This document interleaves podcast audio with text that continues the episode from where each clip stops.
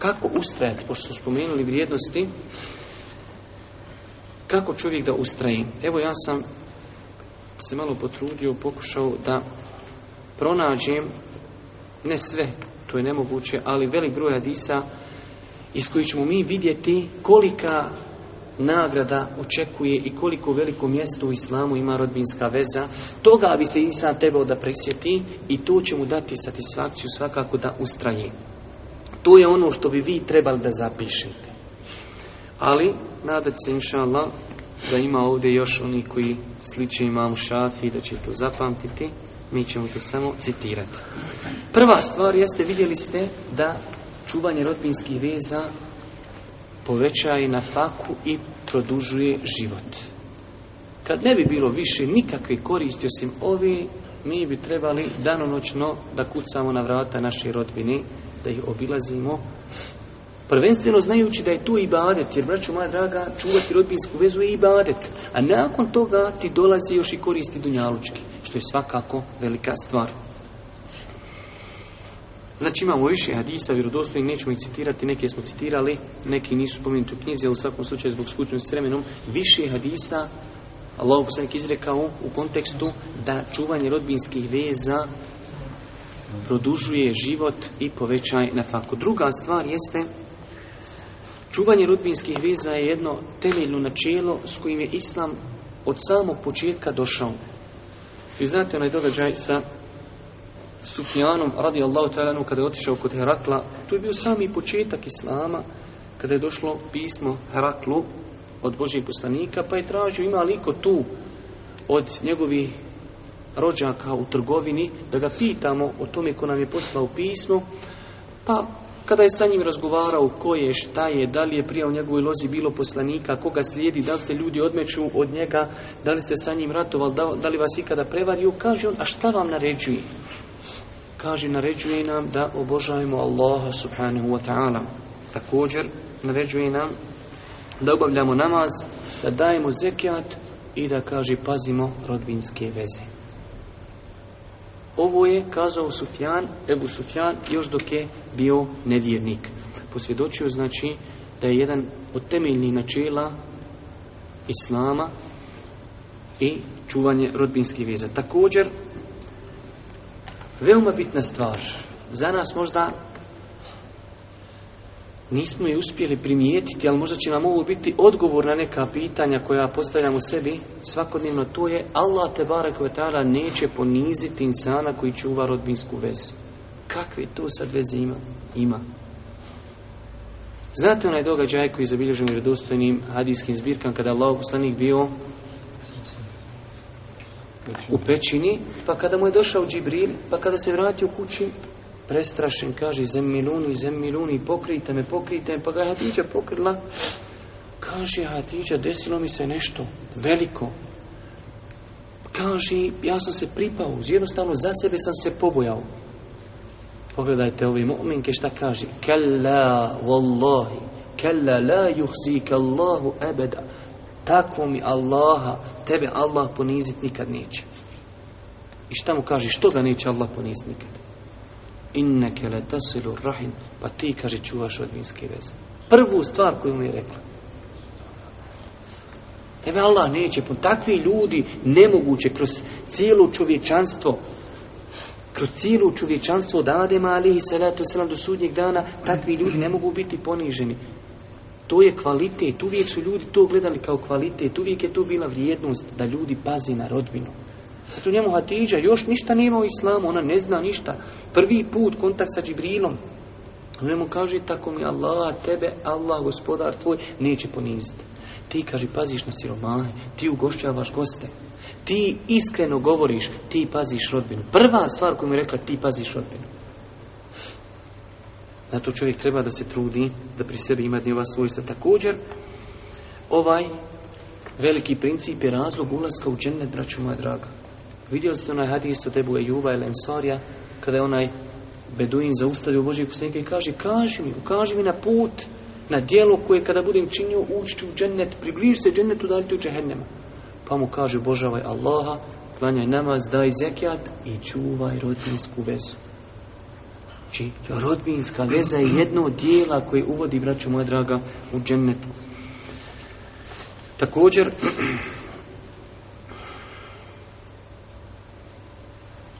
od vrijednosti rodbinske veze jeste da je to jedno od najdražih tijela Allah subhanahu U vjerodostojnom hadisu je došlo da je došao čovjek kao poslaniku i kaže Allahu poslanić, koje je tijelo najdraži Allah? Kaže Allahu poslanik alejhi salatu el imanu billahi da vjeruješ u Allah subhanahu To je najdraži Allahu djelo. Kaže, a nakon toga imali smo na početku prvi hadis sličan ovome ali ovdje je druga stvar. Kaže, šta je nakon toga? Kaže, najdraži dijelo nakon toga Allahu, nakon vjerovanja jeste čuvanje rodbinskih veza. Kaže, a šta nakon toga naređivanje na dobro odvraćanje od zla? Kaže, a koji je najprezrenije dijelo kod Allah, Šta najviše mrzi? Širk. Šta nakon toga? Kidanje rodbinskih veza. Sve sporedno, jeste vidjeli? Najlje, najbolje dijelo ibadet Allahu, iman. Najgori je širk. Drugo najbolje, druga stvar, najbolje dijelo čuvanje rodbinskih viza, a najmrži dijelo drugo kidanje rodbinskih viza. Kaže šta mu je treći najmrži? Kaže da se naređuje na zlo, a odvraća od dobra. Također od koristi koji proizilazi iz dobročinjstva eh, rodbini jeste, vraću moja draga, da je to u jednu ruku garant i štit od kazni. Sjetite se onoga vjerodosnog radisma kojeg smo citirali tada u, poglavlju dobročinstva roditeljima, a oni u osnovi u ovom poglavlju, da kaže Allah ne postoji ni jedan grijeh za koji preče da budu njegovi počinjuci kažnjeni na dunjalku sa svim onim čime im se prijeti na ahiretu od zuluma nepravdi i kidanja rodbinskih veza. Ovaj hadis, šta si ti trebao dečak? Tahira. Evo. Eto ga, vrat. Pa vidim Znači, vraću moja draga, kaže Allah poslanik, dva dijela jeste od kojih koja su najprioritetna da se njihovi počinjuci kazni na dunjaluku sa svime što im se prijeti na hiretu jeste zulum i kidanje rodbinskih veza Allah, e, Imam Buhari je ovaj hadis Allahog nikad citirao u poglavlju roditelja. I mi smo spomenuli zašto? Zato ako je ova prijetnja za onoga ko kida rodbinske veze, onda se ova prijetnja prioritetnije odnosi na onoga ko kida veze sa svojim roditeljima. Također,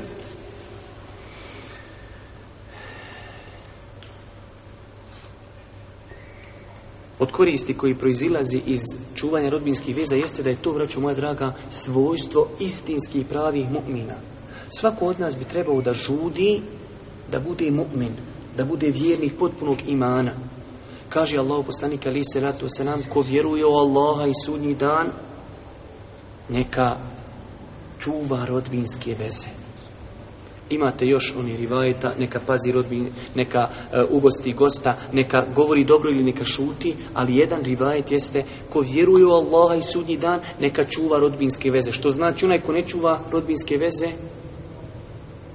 nek postavi sebi upitnik da li on istinski potpuno vjeruje Allaha i sudnji dan. Jer Boži poslanik kaže, onaj ko vjeruje, ne čini tako. Onaj ko ne čini tako, upitnik. Također, sadaka koja se da rodbinskoj vezi, vraću moja draga, i rodbini je sadaka i rodbinska veza.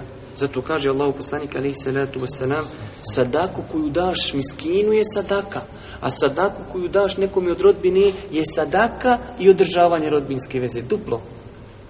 Što svakako opet, vraću moja draga, čovjek treba da ima na umu u svom svakodnevnom životu. Također,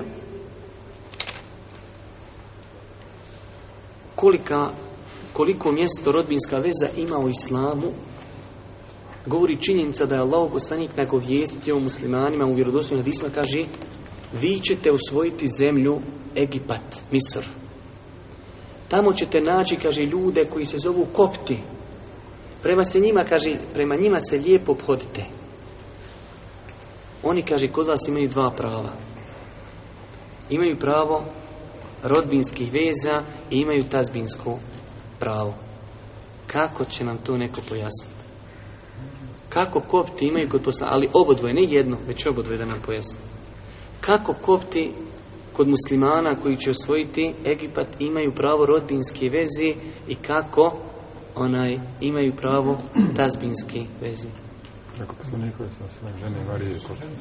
Dobro, to je tazbina, a rekli smo treba nam obodvoje se može izvući. Ne može se to izvući ko nebo i zemlje daleko. Preko? Nije. Preko hađerije. Pošto znači, ona islamski učenjaci tu spominju, da je otuda osnova znači preko hađeri, pošto je ona znači rodila sina Ismaila, a on je, od njega su nastali Arapi a ona je njega rodila i pogledajte koliko je Boži poslanik otišao u historiju skroz do Ibrahima ali selama Hađer je bila porijeklom iz Egipta pa kaže imate kod njih rodbinsku vezu čuvajte sa njima rodbinske veze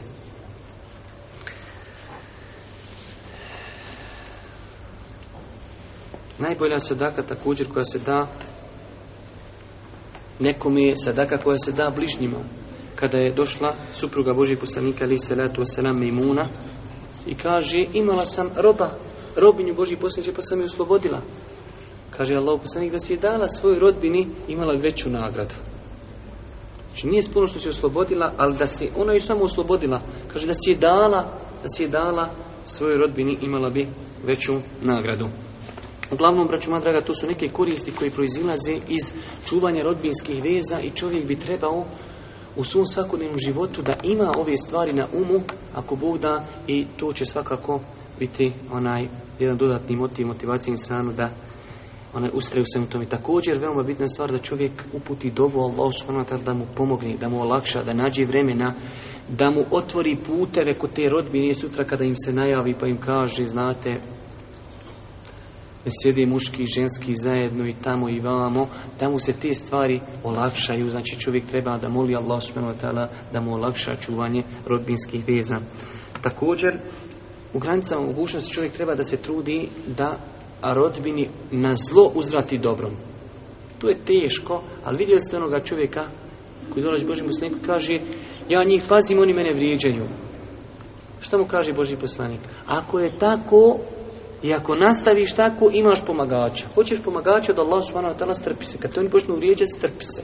Uzvraća im na njihovo zlo, uzvraća im dobrom, kako bi imao pomagača od uzvišnog Allaha subhanahu wa ta'ala.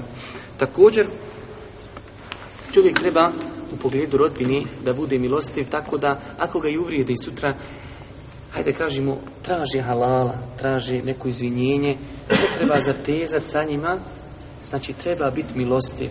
Ne, ne, ne, ti si mene uvrijedio nikad do sudnjeg dana završeno. Nije, braću moja draga, ne treba tako, ipak ona, onaj, treba međusobno da se poštuje.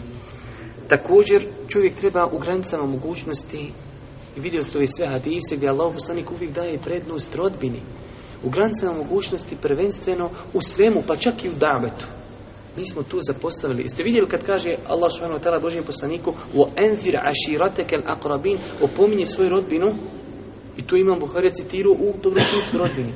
Jedno od najvećih dobročinstava, kao što je najveći vid dobročinstva majci, da ih pozoveš u islam i ocu, da im ukažeš, ukažeš na greške, da ih podučiš islamu, jedan od najvećih, znači, vidova dobročinstva rodbini jeste da ih podučimo, braćo moja draga, islamu, da im ukažemo na ono što nije dobro kod njih, odnosno da ih postatimo na ono što je dobro. Također, da ih pomognemo u svakom pogledu, i psihičkom, i materijalnom, i fizičkom, da ako se desi da smo ih pomogli nekad u životu, da to ne prigovaramo, braćuma draga. U osnovi prigovoru u islamu je zabranjen, a naročito, zamislimo da kako je prigovor težak, kako se radi o rodbini. Također, čovjek treba u pogledu rodbine da bude zadovoljan sa malo onoga što mu oni daju. Da ne kaže, ja sam ti došao tri puta, moraš mi doći tri puta. Čovjek treba jednostavno da uvažava njihovo stanje, nekada materijalno, nekada fizičko, nekada psihičko. Jednostavno da bude zadovoljan sa malo onoga što mu oni znači učinu kada je u pitanju dobročinstva. Također,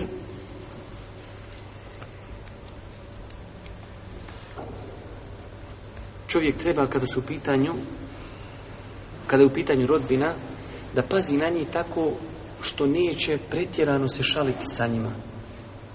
Nekada nam se dešava da ljudi, znači, ajde, ovo je ako ovo je rodbina, možemo sa njima, ja sam dosta puta govorio kroz ta neka izlaganja, da mi muslimani prvenstveno kao braće i muslimani moramo paziti na kodeks ponašanja, prvenstveno međusobno kodeks ponašanja u govoru, pa nakon toga i kodeks ponašanja i u šali, to što je neko rođak ne znači da treba sa njim neprestano brisati patos. Također, treba u granicama mogućnosti izbjegavati rasprave. Braću moja draga, najveća dava, ako već ideš kod ti rođaka da ih pozoveš je to što im odeš. To je dovoljna dava. I nemoj misliti ako nisi nešto plaho rekao u islamu da nisi postigao ništa.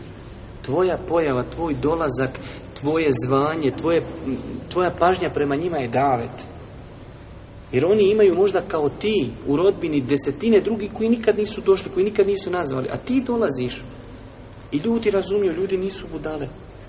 Nije uvijek da samo dok tuđiš da odmah moraš ovo je haram, skidaj slike, bacaj radio, lomi kasete, gasi, pali, udri, mujo, tarabe. Znači nije to uvjet da ti kažeš moram se odjednom.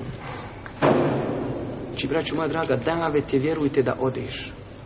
Da pokažeš tim ljudima, da paziš na njih, da misliš na njih, da oni vrijede i kod tebe to je davet, vjerujte da je davet. I ne treba, ja znam, ja odmah smo se posvatili što vako što nako, mora li duhan, mora li ovako, ne može nako. Znači, da su to makar rasprave i, i, svađe oko nekih velikih stvari, da su to rasprave oko širka, oko kufra, su rasprave u velikom broju slučajeva oko nekih stvarčica koji su sitnije od toga. Također, čovjek treba u granicama mogućnosti da pripazi svoju rodbinu tako što će ih onaj s vremena na vrijeme u granicama mogućnosti iznenati određenim poklonom.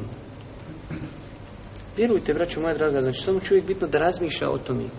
Da pošalješ CD, da pošalješ neku brošurcu, pošalješ neki letak, pa da pošalješ nekad nešto, znači i materijalno, možda nešto novca ili neku hediju, keks ili neki slatkih, znači, ali jednostavno u onom momentu kad se oni ne nade, ako si možda negdje u gradu vidio nekog kočići tamo u neki drugi grad, pošalješ, ništa ne zoveš, samo on donese, oni poslije zovu, mašal, Allah te nagradio, iznenadio se nas, zar se nas sjetio i tako. I to je, braću moja draga, dava i to je svakako ono što nam treba. Također, čovjek treba da se odazove i vi ćemo, govorit ćemo kada budemo sljedeći pita govorili, jedan od razloga kidanja rodbinskih veza jeste neodazivanje rodbini na, poziv njihov kada te pozovu ili da ne pozoveš svoju rodbinu.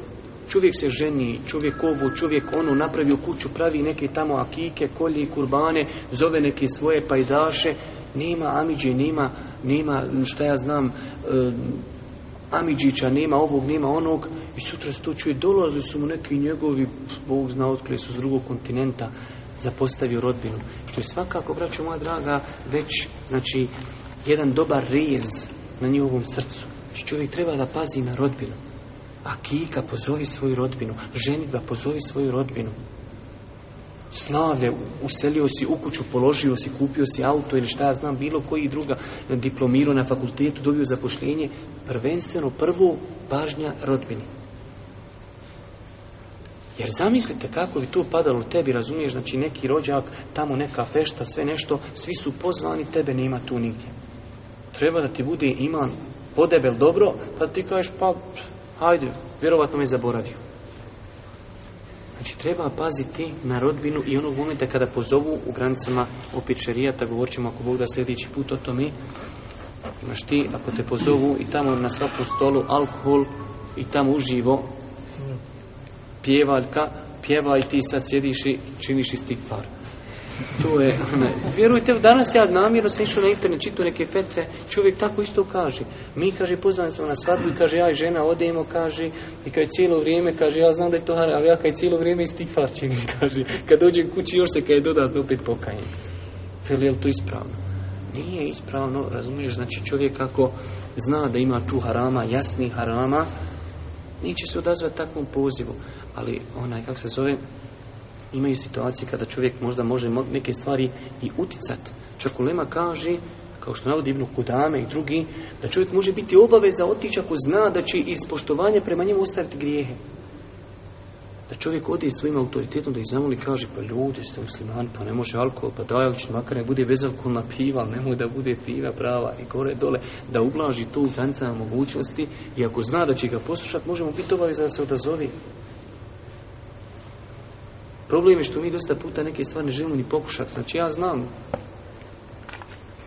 meni se dosta puta, više puta se desilo da nekog od rođaka nazovem i kažem mi bi došli, ali jednostavno tako, mi jednostavno žene i muškarci ne sjedi zajedno.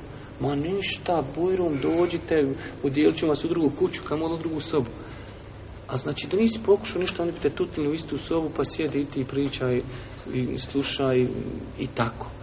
Znači treba pokušati, braću moja draga, na jedan lijep, kulturan način, mnoge stvari mogu onaj proći. Također, čovjek u pogledu onaj rodbinske veze treba da pokušaje e, da bude taj koji od koji će dolaziti inicijativa pomirenja ljudi u familiji. To svakako je dobra stvar da čovjek zna se ovaj nije dobar s ovim, ovaj s ovim ne govori, posvadili se da čovjek polako na lijep način pokušava da to izgladi, izbalansira, da ih pomiri i to je svakako, braćo moja draga, pohvalna stvar. O tome su, znači, onaj pomirenju su došli vjerodostojni hadisi. Također, jedna lijepa stvar, ja pravo da vam kažem već od danas sam počeo razmišljati da li će to ostati samo na nijetu, vidjet ćemo. Ali lijepo je da čovjek da inicijativu svojoj rodbini da se napravi stablo njihove porodici. To je, vjerujte, lijepa stvar. Šta mislite da čovjek napravi stablo unazad možda nekih stotinu godina ili koliko već može i da napiše oni koji su preselili i oni koji sada živi i primjer radi, ja već o tom imam neku viziju u glavi ko je živ, gdje živi, kontakt adresa i možda zanimanje. Možda imaš nekog bolan u familiji, radi ti gore u pasošima, tebi treba pasoš, ti nemaš pojma da ti je tu familija ti tam pročitaš, ovaj radi mupu, izdaje pasuše, onaj broj ukucaš, rođak, pa gdje si, i tako. Znači, da se napravi tu neku stablo, da se napravi neki adresar, adresa stanovanja, broj telefona, e-mail i eventualno, znači, možda onaj posao koji čovjek trenutno radi. Pa čovjek možda ako je negdje tamo daleko, vidiš, of, vidi, mašal, ovoga ima čerka, 16, 18, 25 godina ovog tamo nekog daleko, ili ako je to kod nas ubosni rat, ali ako su neko 66. koljeno, pa da možda se i uzmu, nađu se neki i tako elementi. U svakom slučaju, znači, možda nije loše, braću moja draga, da dođe inicijativa, onaj kako se zove, o pravljenju tih nekih porodičnih stabala, gdje bi se napisalo, znači, ime, prijezme čovjeka, kada je rođen, koji je preselio, kada je preselio i tako.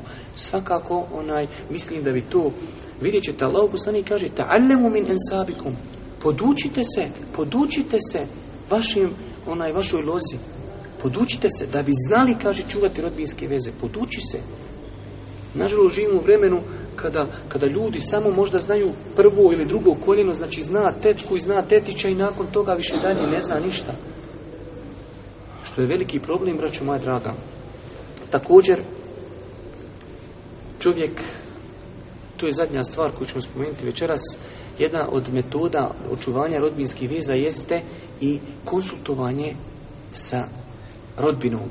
Normalno opet po onim uvjetima koji smo spominjali prija, da čovjek se konsultuje sa svojim rođacima, želi možda određen posao ili ovo ili ono, da dođe kod određenih rođaka koji su kompetentni da, savjet, da, da traži savjet. Svakako će to, vraću moja draga, ujediniti njihova srca, ojačati njihove veze, jer rekli smo, prije smo govorili o tome da takve stvari svakako ostavljaju velikog traga na ljudsko srce.